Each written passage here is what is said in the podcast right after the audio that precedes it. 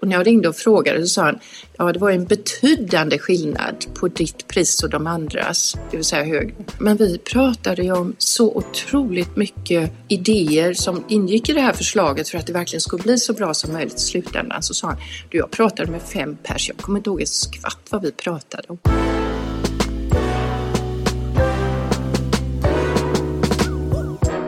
Varmt välkommen till Studio Skarstedt den här veckan i poddform. Jag heter Henrik Skarstedt och jobbar med kommunikation, frilansare. Jag bor i Uppsala och är nyfiken, bland annat på sälj.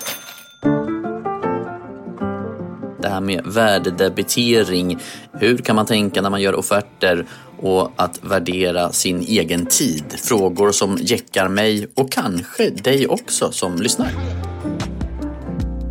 Är det här en vettig bakgrund eller känns den rörig? Det är Ulla-Lisa Thordén som är ambitiös med lampan för min skärminspelning. Uppskattas. Det här är rätt roligt egentligen. En gång i tiden började hon läsa juridik, men insåg snart att hon faktiskt är mer intresserad av relationen mellan människor. Ja. Varför vi gör som vi gör, varför vi hamnar i konflikter eller kanske tvärtom skiljs och gillar varandra jättemycket. Så hon stack ut i näringslivet istället, tog så småningom jobb på ett stort managementföretag. Och där fick man som junior sen konsult ja, fara runt och helt enkelt se till att skaffa kunder. Och det var tuffa tag. Det var 20 bokade besök i veckan.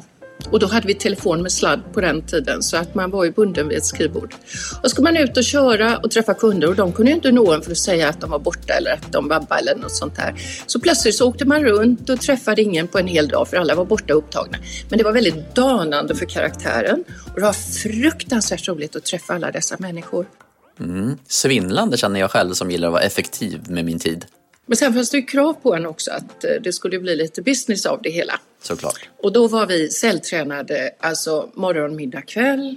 Lärde oss inte att kränga egentligen, utan att hur leder du ett samtal fram till att någon är överens med dig om att så gör vi.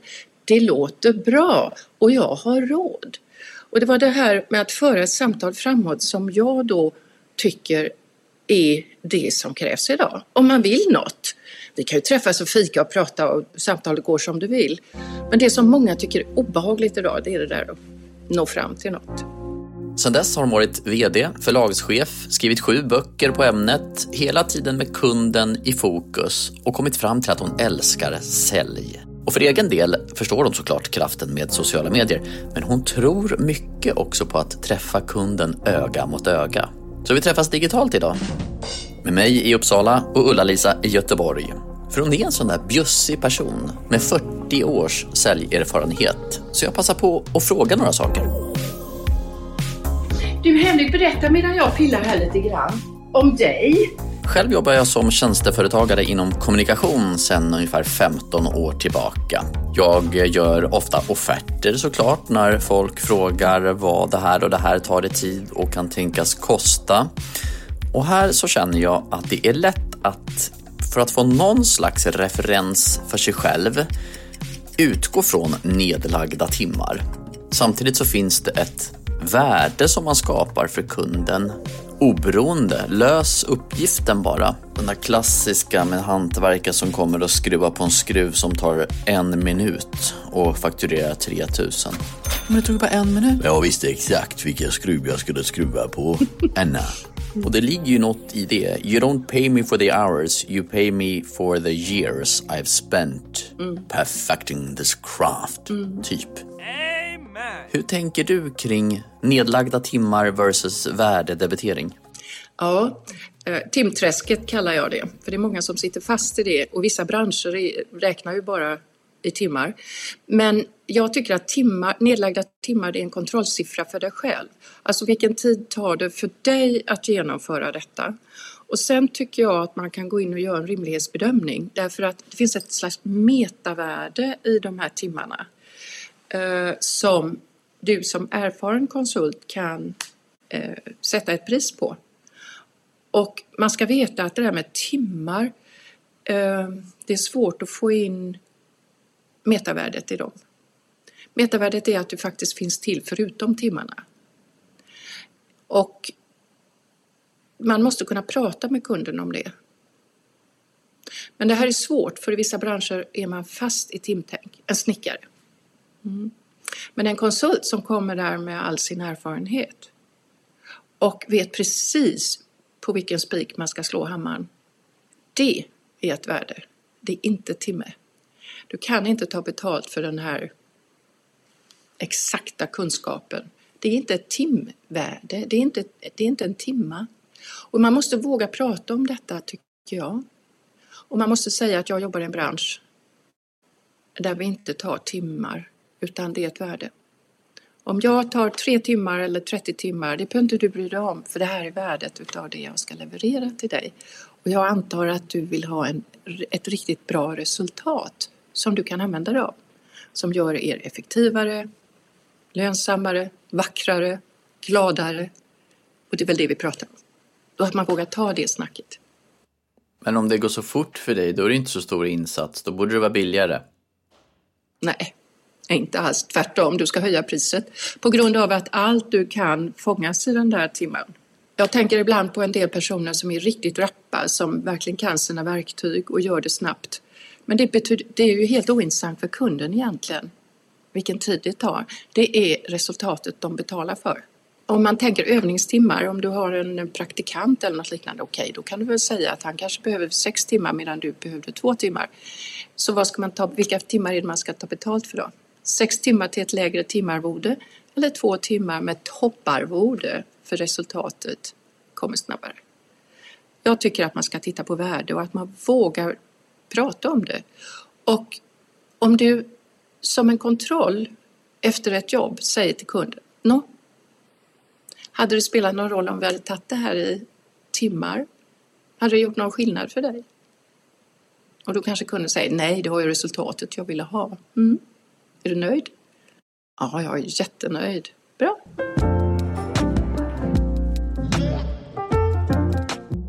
Om man gör en offert kan det ändå vara bra att man preciserar lite grann vad det innehåller så att man förklarar för kunden att de ser hur mycket arbete som faktiskt krävs och vilka olika delar och så. Absolut. Man behöver inte förknippa det, man behöver inte märka det med, med timåtgång eller en peng, utan man kan ha en totalpeng. Låter det vettigt?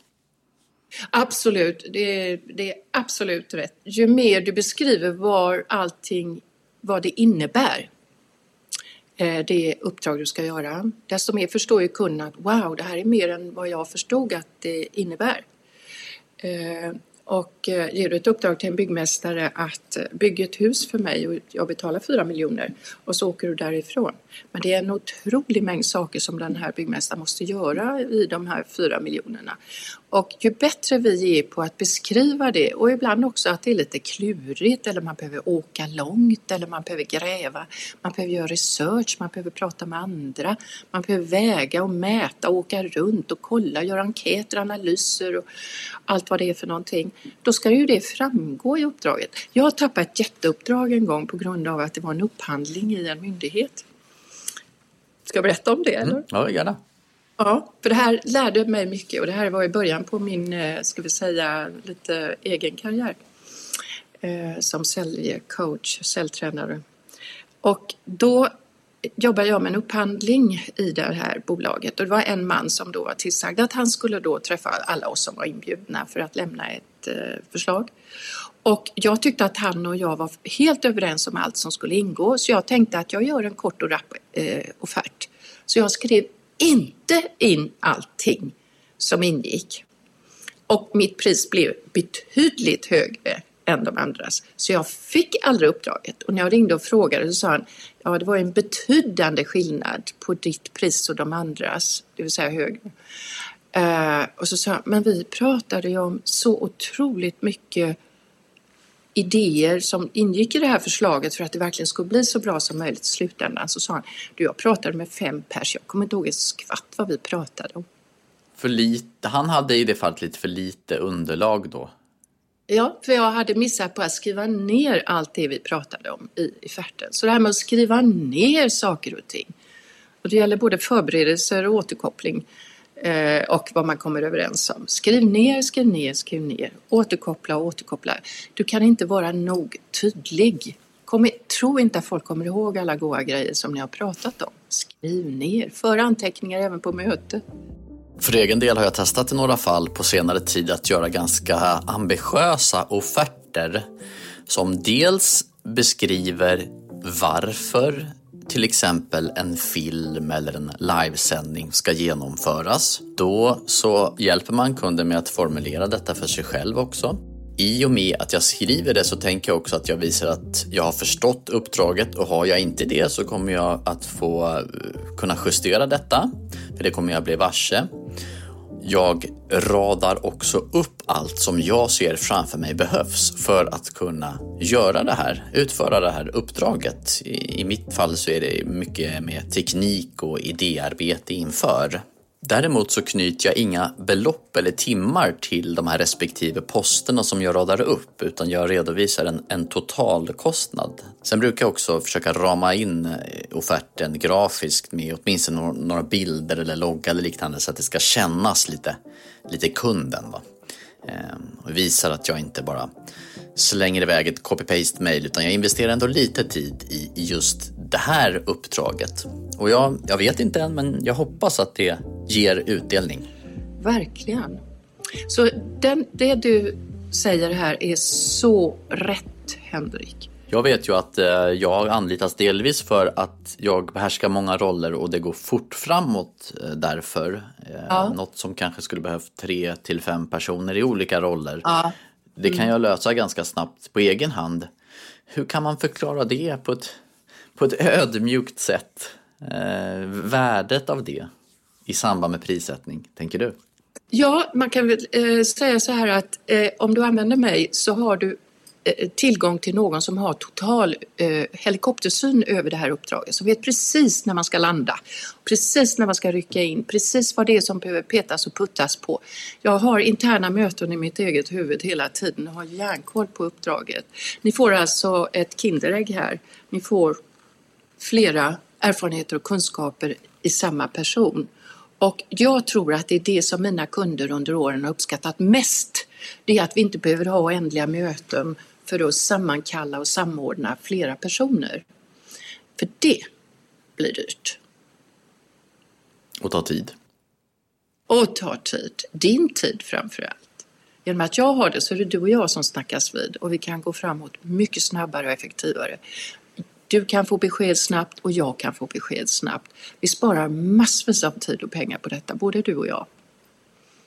Ett enmansband kan ju också upplevas som skört jämfört med en stor byrå som har fem kollegor mm. som tar över om jag blir, eh, får influensa i två veckor. Vad tänker ja. du om det?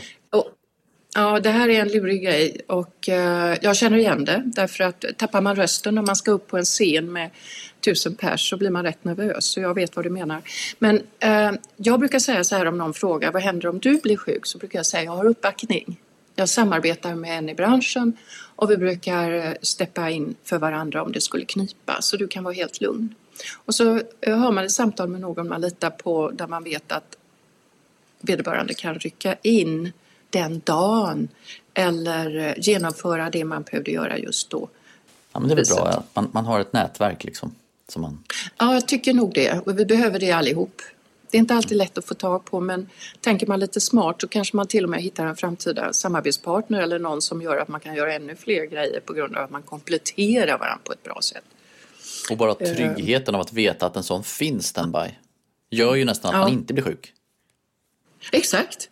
Men du vet, det finns något som heter konsultsjukan. Du blir sjuk på fredag kväll, frisk på måndag morgon och så är du sjuk på julafton, nyårsafton, valborg och midsommarafton. För det är då du hinner vara sjuk för kunderna är lediga då. Det här är ju ett typiskt exempel som vi lever upp till lite mans. Konsultsjukan har jag inte hört. Ja, ja. Bra, bra uttryckt. Min fru är ju snabb och effektiv på att skriva eh, och eftersom hon ibland fakturera ut efter nedlagd timme så får ju kunden väldigt mycket då. Hon hinner mycket mer än många andra hävdar jag ja, på den nedlagda ja. timmen. Mm. Då straffas hon nästan för att hon är bra på sitt jobb. Ja, men det är där vi ska undvika timme. Om hon hade gett uppdraget till någon som har mindre erfarenhet, än kunnig än vad hon är, så hade det tagit sex timmar istället för två. Ja, men ta betalt för sex då. Det är ju resultatet vi talar om. Att hon sen får lite ledig tid. Eh, toppen, grattis! Men det här, är, det här är lurigt därför att vi tror alltid att, eh, att en timme är en timme oberoende av skicklighet och kunskap. En timme är inte en timme eh, faktiskt. Utan det är skicklighet och det är resultatet. Jag tycker att hon ska hålla lite grann på det hela och inte vara så himla snabb med att leverera då. Mm. Låter rimligt. För egen del så har jag ibland luftigt i schemat och kan därmed hugga tag i någonting ganska snabbt och leverera väldigt snabbt också jämfört med många andra. Det här borde jag ta vara på eller? Ja, absolut. Poängen är om en kund behöver snabb hjälp säger man jag måste lägga annat åt sidan en stund så du får betala extra för jag måste tala om för den kunden att det här inte kommer till dem idag.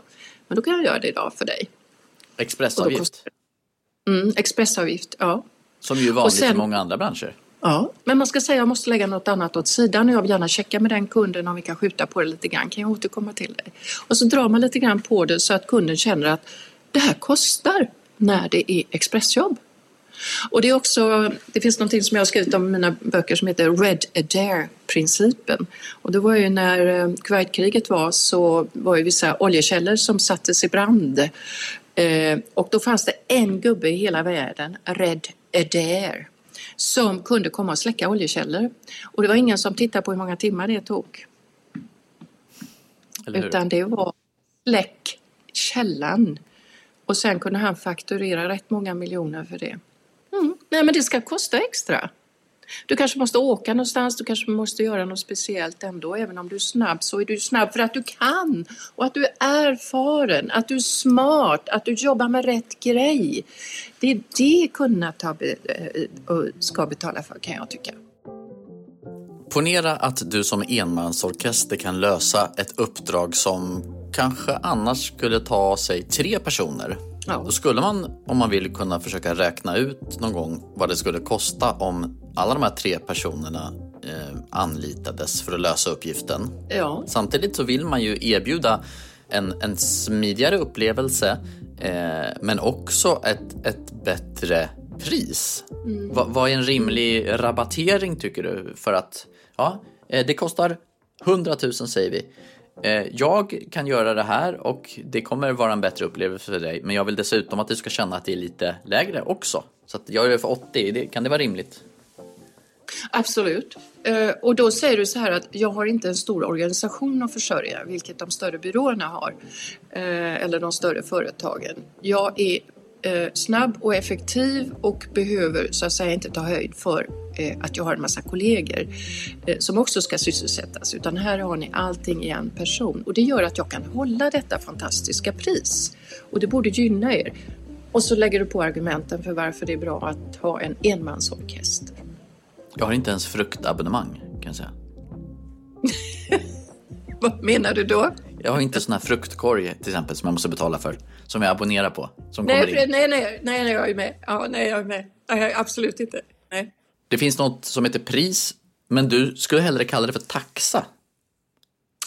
Ja, det finns ju olika sätt att, att benämna sin prislapp, men taxa är som om det är någonting som är satt i branschen av något slag.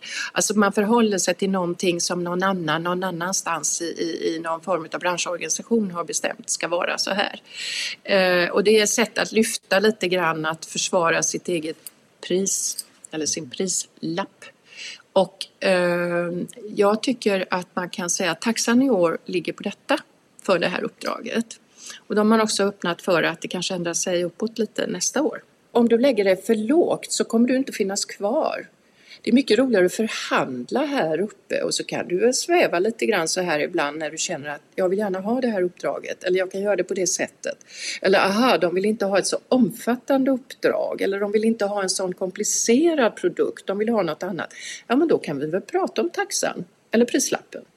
Men här nere har du ingen chans att bli lönsam och du blir förbaskad på dig själv när du låter det förhandlas ner. Du känner dig förminskad och lite förnärmad och vill det sig illa så blir det ett sånt där uppdrag från helvetet där allting liksom går snett. Inte för att du gör fel utan för att allting är rörigt runt omkring och kunden inte levererar. Och så, så har du satt ett för lågt pris när vi gör uppdrag av olika slag så är vi ju inte belagda hela tiden. För är vi det så blir vi knäppa eller går i väggen eh, efter ett, några år. Eh, och det gör ju att du måste täcka upp den tiden som är utbildningstid, administrationstid, eh, tid som du kanske vilar dig eller sköter din hälsa. Eller helt enkelt säljtid när du sitter och är detektiv och funderar på vilka är det jag vill ta kontakt med, vilka är det jag skulle vilja nå. Eller sociala medier-tid. Alltså det är rätt mycket tid som vi inte eh, tar betalt för.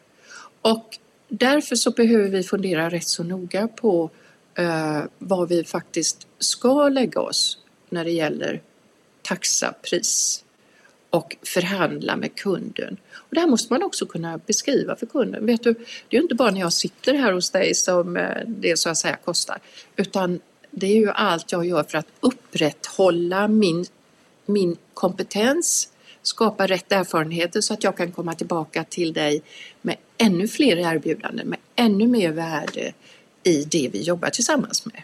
Man kan ju tänka att jag, jag jobbar hållbart. Exakt. Eh, eh, eh, väldigt bra uttryck att du kopplar ihop det här. För jag menar om du jobbar med din egen kompetens så måste du ju vara hållbar och där ingår det ju att du har lite luft i, i, i ditt företag så att du kan förbli hållbar och må bra, bygga på dina kunskaper. Så hållbarhet i utvecklingen tycker jag är ett väldigt bra begrepp. Och kunden är ju med och bidrar till det genom att de vet att de får en hållbar konsult som inte plötsligt försvinner eller inte kan driva sitt företag längre. Och det här gäller även om du är anställd. Mm. För att prisnivån som jag satt, den gör att jag kan jobba på ett uthålligt sätt och då finns jag kvar. Ja, ja precis. Och också säga att med all den erfarenhet jag har så känner jag att jag kan bidra med väldigt mycket bredare kompetens än vad många kan idag. Eh, du får en, en enorm erfarenhetsbank från mig. Ska man ta olika betalt tycker du av olika kunder beroende på dess kaliber? Eh, det här är ju en spännande fråga som inte har ett lätt svar. Men jag måste säga att ibland så använder jag Robin Hood-principen, det vill säga jag betalt av dem, tar bra betalt av dem som kan och har pengar och är beredda att betala för det jag levererar. Men sen kan jag kärleksfullt tänka att den här lilla startupen, de har inte de här pengarna som jag normalt tar. Men jag lägger mig på en annan nivå. Men jag, jag håller uppe mitt värde hela tiden, men jag väljer att ibland bjussa. Och det är en helt annan sak. Och det är inte att de förhandlar sig till utan att jag bestämmer mig för att de här är värda att få min hjälp. Varför ska man inte få det? Men det kan jag göra i mitt liv nu för jag har hållit på så länge så att jag bygger inte karriär längre på det sättet att jag ska bygga ett företag som ska bli stort och så vidare utan jag väljer vem jag vill jobba med. Och eh, jag tycker att det har stått med bi under årens lopp för ofta är de jobben mycket roligare än de där supervälbetalda. Nytt år 2024. Jag gillar hur det uttrycks. Mm. Man får mejl ibland. Eh, man säger inte att man Hallon, mobilabonnemanget till exempel, de höjer inte sina priser utan de justerar sina priser. Ja, eh, är, man an, är man anställd så har man ju ofta är man anställd så åker man oftast med på en löneförhöjning regelbundet. Hur ska man göra som egen? Det är lite speciella inflationstider och sånt här nu också. Mm. Ja, det är ju att man, eh, att man tidsätter offerten. Priset gäller till och med. Och lämnar du en ny offert så ska du alltid prissätta den en eller två månader fram i tiden. För efter det så kan man faktiskt justera den. Eh, annars kan man åka dit häftigt på att någon hör av sig tre år och säger nu kör vi eh, till ett gammalt pris. Men man kan höra av sig tidigare under året och säga att eh, första januari så kommer vi, även vi att justera priset med ja, 5 eller vad det kan vara för någonting och så talar du om det i september så har du sagt det. Eller också så berättar man för kunden när man träffar dem och säger ja som alla andra så kommer jag att göra en liten prisjustering nu under våren men det är inga dramatiska saker som händer utan det är ju mer för att följa med i det allmänna och sådär. Så gör man ingen stor sak av det. Eh, men man skickar inte bara en ny faktura med nytt pris. Jag tycker man ska flagga lite grann. Det är snyggt att flagga.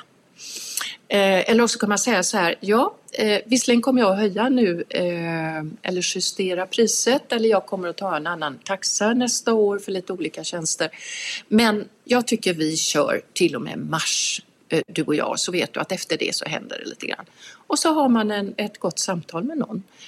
och jag gillar det där med justera. Jag, jag, jag tycker det är okej. Alla justerar allting idag. Man kan också säga till en kund att om du bestämmer dig på denna sidan året så har du faktiskt detta årets eh, taxa eh, fram till och med mars. Jag håller själv på att läsa boken Möt kunden öga mot öga av just Ulla-Lisa Thordén. Jag räknar till sju böcker på ämnet, möjligen någon ny upplaga inräknad där. I alla sina böcker så avdramatiserar hon ordet sälj. Så många människor gillar inte att sälja. De betraktar det som kräng och jobbigt och bedrövligt och måste jag, och herregud vad, vilken tid det tar och, och vem ska jag höra av mig till och så vidare. Och det är egentligen det jag adresserar först i alla mina böcker. att vi säljer oss alltid jämt. Vem vi än träffar så skapar de en uppfattning om dig. Och eh, det är väl bra att ha lite grann med dig i ryggsäcken då när du ska träffa andra människor där du vill utreda om de behöver dig, om du behöver din hjälp, om de liksom tycker att vad kul den här personen verkar vara att jobba med. Det vill jag gärna göra. Säljtrappan finns med i alla böckerna där hon frågar läsaren Vad är det du erbjuder egentligen? Vad är unikt med det? Vem är det som kan ha nytta av det som du erbjuder och vad har du för strategi för att kunna nå dina potentiella kunder? Hur sätter du dina priser och hur förhandlar du när det är tuffa tag och så vidare. Och det blir som en slags säljtrappa. Och böckerna är ju skrivna dels för väldigt säljskygga experter. De är skrivna för kulturbranschen. De är skrivna för eh, personer som är anställda och tycker att det är obehagligt. Så det är en blandning utav teknik, praktik, metodik och attityd. Och att det alltid är du som är viktigast faktiskt. Det är du som bär ditt eget budskap. Så du måste våga träffa människor utan att vara så rädd. Och I den senaste boken så hade jag, har jag presenterat något jag kallar Viva-modellen som faktiskt handlar om ett mindset när man träffar nya människor eller har med människor att göra överhuvudtaget. Eh, och det är en rätt bra modell för alla som tycker det är jobbigt. Så det här är alltså det jag har boxat in i de här böckerna. Och folk hör av sig och säger, får jag träffa den nu? för jag har ytterligare lite frågor. Eh, säger de. Och då är det roligt att träffa en läsare. Hur kommer man i kontakt med dig om man vill? Ja, då ringer man 0709 29 97 60 eller också så skickar man ett mejl till Ulla-Lisa med bindestreck at republic.se Ulla-Lisa Thordén, vad kul att prata med dig och tack för alla fina tips. Tack Henrik för att jag fick eh, prata med dig. Jättekul, verkligen. Och lycka till alla. Vad kul att du lyssnade ända hit och hoppas att du också lärde dig någonting av säljcoachen Ulla-Lisa Thordén. Själv så noterar jag då att nedlagda timmar, det är mest en kontrollsiffra internt för mig själv. Är man en enmansorkester som kan lösa mycket själv så kan man säga att man erbjuder ett helikopterperspektiv och har interna möten med sig själv hela tiden. Och om man är snabb på att leverera så kan man absolut ha en motsvarighet till en expressavgift. Tipsa gärna andra om det här avsnittet. Mig hittar du på henrikskarstedt.se.